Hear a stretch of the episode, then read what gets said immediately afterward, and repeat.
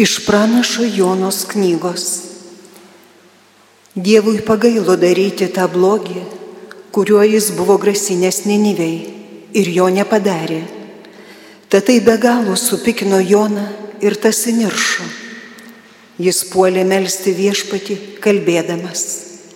Viešpatie, ar to aš jau nesakiau dar namie tebe būdamas, todėl ir norėjau pabėgti taršišan, kadangi žinojau, jog tu esi maloningas ir gailestingas Dievas, kantrus ir turtingas malonės, kad tu pagailėsi daryti blogį. Dabar gyviešpatė, atimk man verčiau gyvybę, geriau man numirti, ne kaip gyventi. Viešpats atsiliepė, argi teisinga tau pykti? Jona iškeliavo iš miesto ir apsistojo į rytus nuo jo. Tenai pasidirbo lapinė ir josios pavėsėje atsisėdo palaukti, kas atsitiks su miestu. O viešpats Dievas liepė išaukti virš Jonos gebiniai, kuri turėjo teikti jo galvą į šešėlį ir jam nuslopinti apmaudą. Jona labai apsidžiaugė gebinę, bet kitą rytą, beauštant, Dievas pasiuntė kirmelę, kuri pagraužė gebinę ir toji nudžiuvo. Sauliai pakilus, Dievas pasiuntė galandantį rytvėjį. Saulė svilino Jonai galvą taip, kad Jona paliko jėgos. Ir jis savo ėmė linkėti mirties, sakydamas, geriau man numirti, ne kaip gyventi. Bet Dievas paklausė Joną, argi teisinga tau pykti dėl tos gebenės? Tas atsakė, taip, teisinga man pykti, linkint savo mirties. Tad viešpats prabilo, tau gaila gebenės, kurios tu nepuoselėjai ir neauginai. Per naktį jie atsirado, per naktį jos ir neliko. O man ar nereikėjo pagailėti Ninivės, to didelio miesto, kuriame gyvena daugiau nei 120 tūkstančių žmonių nemokančių atskirti dešinės nuo kairės, bet to dar ir daugybė galvėjų. Tai Dievo žodis. Viešpatėtų gailestingas,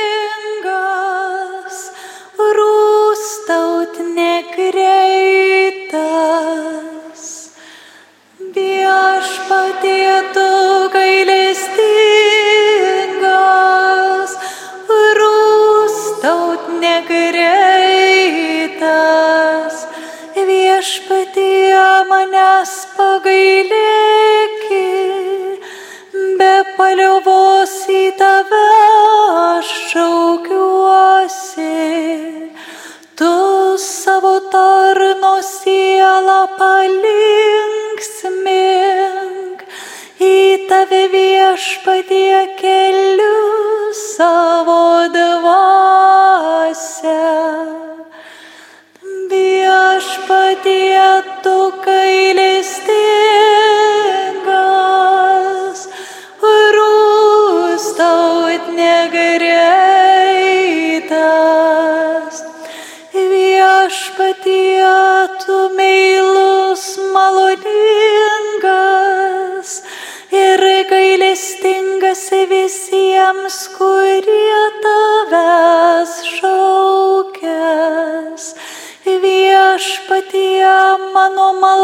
maldos paklausyki, pasidomėki, ko garsiai maldauju. Viešpatie tu gailestingas, rūstaut negreitas. Visos tavo sutvertosios tautos, eis tavęs viešpatie garbint, skelbs tavo vardą. Tu esi didis ir stebuklingas,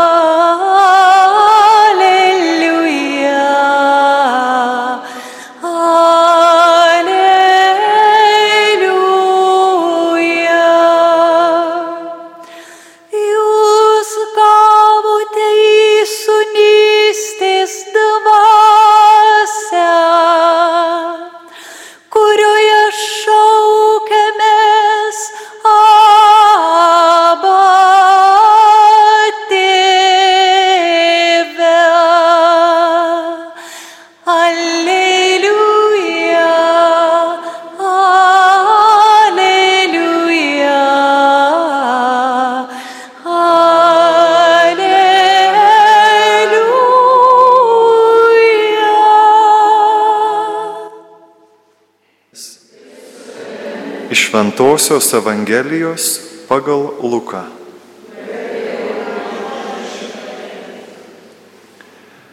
Kartą Jėzus vienoje vietoje meldėsi.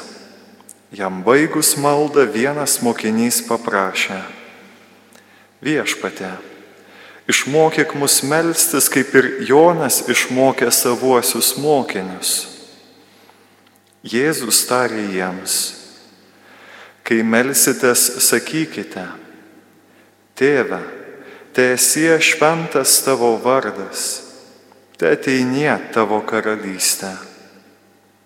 Kasdienės mūsų duonos duok mums kasdien ir atleisk mums mūsų kaltes, nes ir mes atleidžiame visiems savo skolininkams ir nevesk mūsų į pagundą.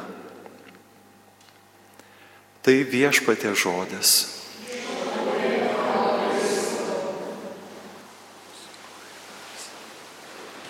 Šiandienos Dievo žodėje, ką tik girdėtame, kuo ir spinduliuoja šiandienos šventasis globėjas, yra apibrėžiami Dievo ir žmogaus esmė.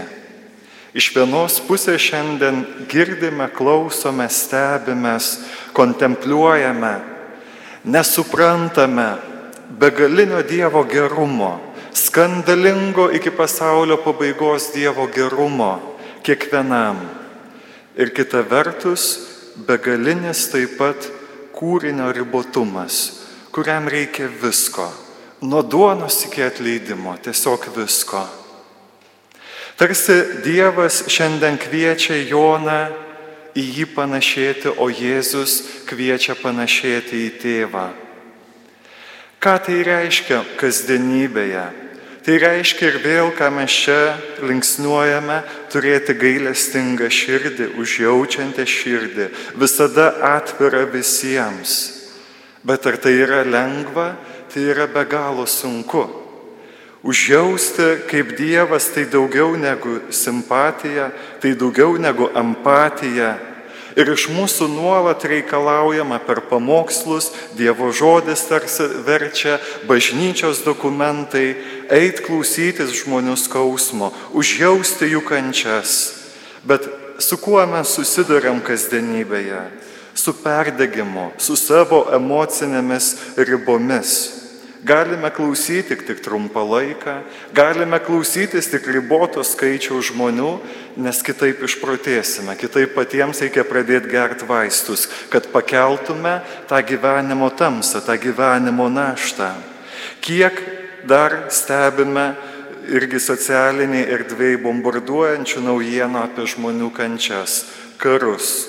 Ir mūsų širdis diena po dienos tampa nejautrios todėl kad perkrautos, per daug to yra, per daug, atrodo, ne, nevyksta nieko gero. Tačiau gailestinga Dievo širdis neturi ribų šiandien skaitome pirmajame skaitinyje. Jis yra milžiniška, be galo nepalygintinai didesnė už žmogaus širdį. Ir Dievas šią širdį nori mums dovanoti, kad neperdegdami, nepasiduodami abejingumui, bet mylėtume artimą. Kaip? Tik tai per maldą, priimant šventąją dvasę. Jonas 23 sakė, kad žmogus niekada nėra toks didis, kaip tada, kai klūpo. Žmogus nėra niekada toks didis tik tada, kai klūpo. Būtent šventoji dvasia, kurią gauname per maldą, kurią gauname per šventasias mišes, kuri liejasi, kai skaitome Dievo žodį, kuris yra permerkęs šventosios dvasios. Me, mūsų širdis panašėja į Dievo širdį. Neveltui Jono Evangelijai skaitome, kad paskutinę iškilmingiausią šventės dieną Jėzus atsistojo ir šaukė, kas trokštate ateina pas mane ir tegu geria kas mane tiki, iš jo vidaus plūs gyvojo vandens srovės, jis kalbėjo apie dvasę, kurią turės gauti įtikėjusieji. Tu neturi mylėti savo širdimi, tu neturi užjausti savo širdimi, tau užtenka tavo namuose, ta, tau užtenka iš vis tavęs paties su tavo visais skandalingais ir su savo nesąmonėm visom tamsom, su tavo erzeliais visais bet esi pašauktas kaip tikintis žmogus, semtis tos dvasios, gerti tos dvasios. Kiekviena Euharistija yra geriam tos šventosios dvasios. Skaitom Dievo žodį, geriam šventąją dvasę. Kai atsiklaupiam maldai, geriame šventąją dvasę, kuri plūsta iš Jėzaus perverto širdies. Ir tada aš turiu jėgų sutikti žmogų.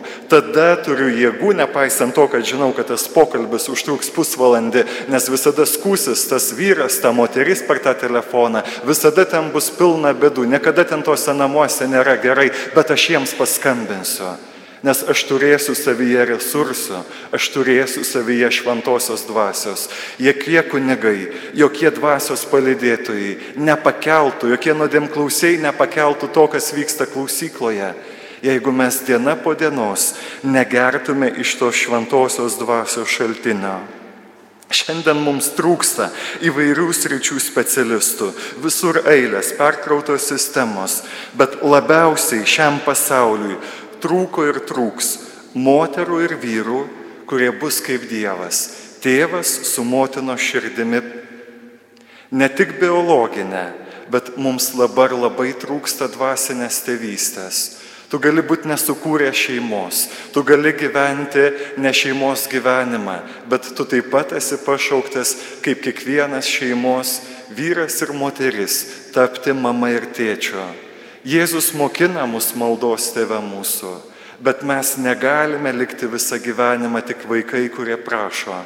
Dievas kviečia brandai dvasiniam gyvenime, o dvasinio gyvenimo brando ženklas, kai ne tik gaunu, bet duodu taip pat. Tad viešpate šiandien prašome ne tik išmokyk mus melstis, bet prašome išmokyk mus būti dvasios tėvais ir motinomis kad būtume kupini ne savo išminties, bet tavo išminties, tavo meilės, tavo gerumo, tavo dvasios, kurią guosime, kurią perišinėsime žmonių širdžių žaizdas, kurią galėsime jautriai išklausyti, išmintingai patarti, kartais suimti už rankos arba suimti žmogų ir pastatyti jį ant ko ir pasakyti, Dievas yra su tavim. Dievas laimina tave. Tokių vyrų ir moterų, motinų ir tėvų, dvasinė ir biologinė prasme mums trūksta šiame pasaulyje. Tad tegul šita šventa mišių auka daro mus tokiais tėvais ir motinomis, kiekvieną iš jūsų, ar sėdinti čia, ar klausanti Marijos radiją. Amen.